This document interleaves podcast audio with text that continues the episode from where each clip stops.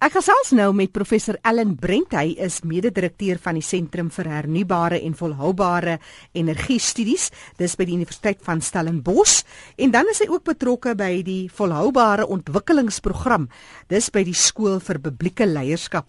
Nou prof, hierdie afgelope week het julle 'n interessante konferensie gehad by 'n uh, deelnemers van reg oor die wêreld. Vertel ons eers meer oor waaroor dit presies gegaan.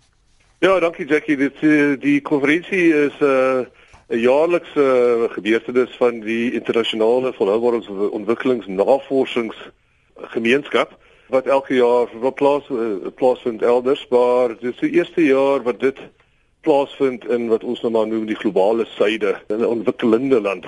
Eerder as wat dit in 'n ontwikkelde land plaasvind en dit is die 19de konferensie wat plaasgevind het. Ons was met so 150, net so oor die 150 mense gewees wat wat uh, deelgeneem het die groot denkers rondom volhoubare ontwikkeling en wat dit behels en hoe ons in die tema van die konferensie hierdie jaar was gewees in Engels nou just transition so regverdige transformasie van ons samelewing en ons ekonomie. Die luisteraars sal weet dat ons regering en soos baie regerings elders plaas nogal 'n groot klemtoon op die hele groen ekonomie konsep en dis nou alles goed en wel van 'n van 'n omgewingsperspektief waar hierdie transformasie na groen ekonomie wat behels dit? En hoe uh, regverdig is is dit vir alle uh, aspekte van ons samelewing? Jy weet hoe ryk gedeelte van die samelewing kan miskien dit bekostig maar kan die armer mense dit bekostig? En net uh, vanoggend van die gesprekke wat plaasgevind het net wel gegaan oor Ja, ons kan byvoorbeeld gaan vir organiese uh, landbou. Jy weet, al goed voel daaroor, maar beteken dit, dit genoegsame kos sal voorsien vir die, vir die armes teen 'n billike prys?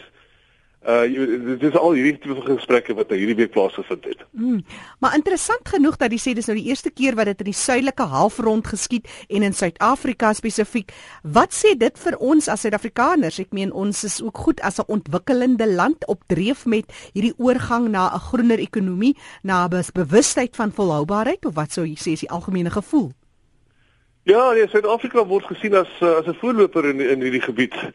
Ehm um, in die, in die sin van dat uh, ons is ons is eie een van ons bates wat ons het is dat ons nou hierdie eerste en die tweede wêreld ekonomie in een land het. En ons is eintlik 'n lewende laboratorium as jy wil as jy sou wil van hoe om dit nou uh, geskik I mean dit baie maklik in 'n plek soos Australië byvoorbeeld waar die ekonomie en die en die die samelewing almal op op 'n hoë vlak lewe. Maar hier waar ons hierdie beduidende uh verskille verskillende in inkomste het en so aan Ehm uh, jy weet ons worstel daar werklik met hoe om dit hoe om dit te doen. Jy weet die luisteraars sal weet Suid-Afrika die hoogste eh uh, wat uh, die wat is noem die Gini coefficient wat equality net in Engels term gebruik. Die hoogste in die wêreld. So jy weet ons nee, spesifiek hier in Stellenbosch waar ons die rykstes van die rykstes het en die armstes van die armstes.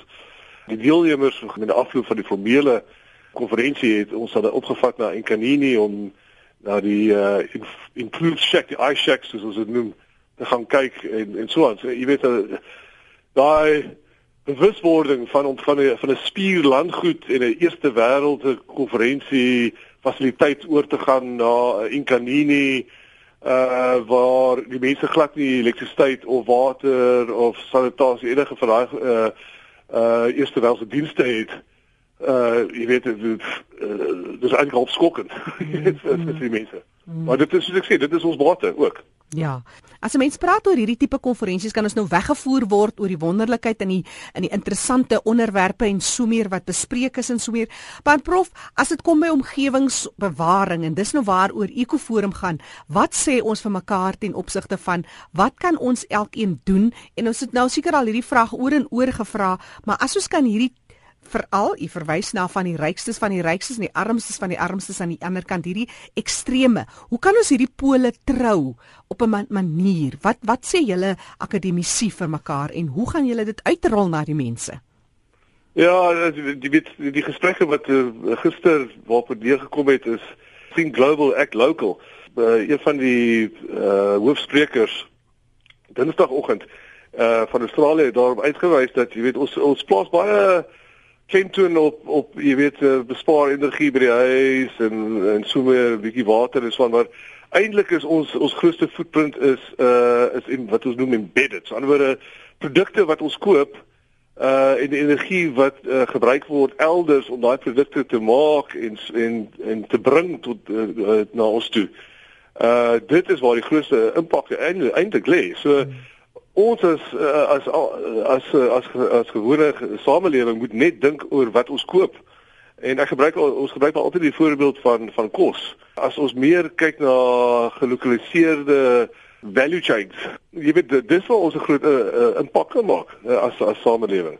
Jy vyf gesprekke hierdie week weer op hier gekom as jy kyk na in, in Amerika of Europa is die is die gemiddelde afstand wat ons noem farm to fork ja. kos vir die kos van van waar geproduseer word tot by die tafel is oor die 2000 myl in 'n plek soos uh, FSA en veel erger in Europa. Selfs in Suid-Afrika die luisteraars sal sal sal nou onlangs onthou van die van die hele gesprekke rondom uh, hoenders. Weet 50% van ons hoenders word ingevoer van elders af. Ja.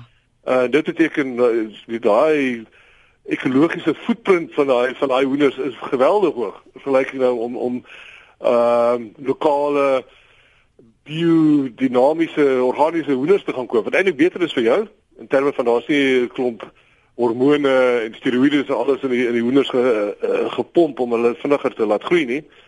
Uh hulle eet beter en so aan en ja, jou ekologiese voeding van die goedes is beter. Ja, so mens moet nie daai rol van hy klein uh, uh, boer of uh, op 'n kleiner skaal wat goed plaaslik vervaardig word onderskat nie en 'n mens moet eintlik mekaar ondersteun en hierdie goeders het eintlik 'n uh, ander uh, kringloop tot gevolg as mense maar net dink aan werkskepping en elke ou kan eintlik bietjie meer bydra tot die plaaslike ekonomie ook. Ja, duidelik. Dit selfs op op die op 'n globale vlak.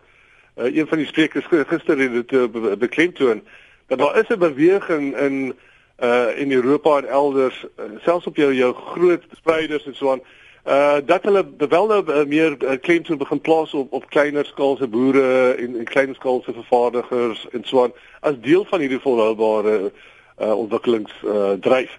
Want daar daar's 'n uh, daar's 'n bewuswording reg oor die wêreld dat uh, ons gaan nie daai oor, oorgang of die transformasie na na groen ekonomie uh, ons gaan dit nie reg kry as ons nie begin fokus op op die kleinskaalse vervaardiger en produsent en so aan. Mm. So wat sê ons vandag vir Jan en San Alleman prof?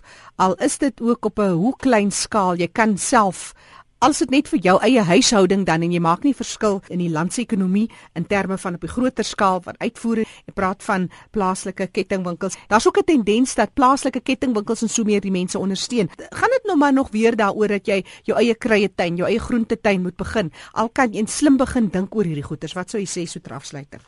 Ja, nee, wat so uh, uh, elke klein bietjie help uh, op die einde van die dag. En ek dink dit gebeur in elk geval in die samelewing as jy nou kyk oor die laaste 2, 3 jaar as jy nou op daai Vrydag aand uh, rondom die braai staan met die mense gesels.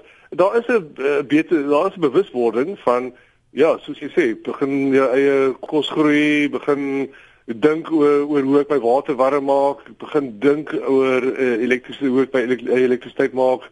Wat doen ek met my grys water?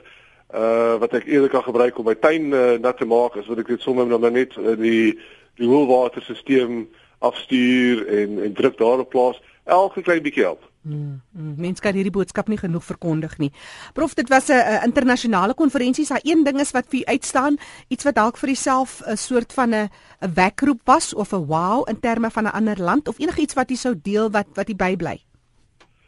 Ja, op die einde van die dag gaan dit oor politieke wil. Die navorsers en selfs die samelewing beweeg beweeg in die regte rigting top down soos die Engelsman sê, jy weet ons uh, president en ons nasionale beplanningskommissie en so aan sal praat oor die groen ekonomie, maar dis daai politieke wil hierso in die middel rond. Dis waarmee ons sukkel.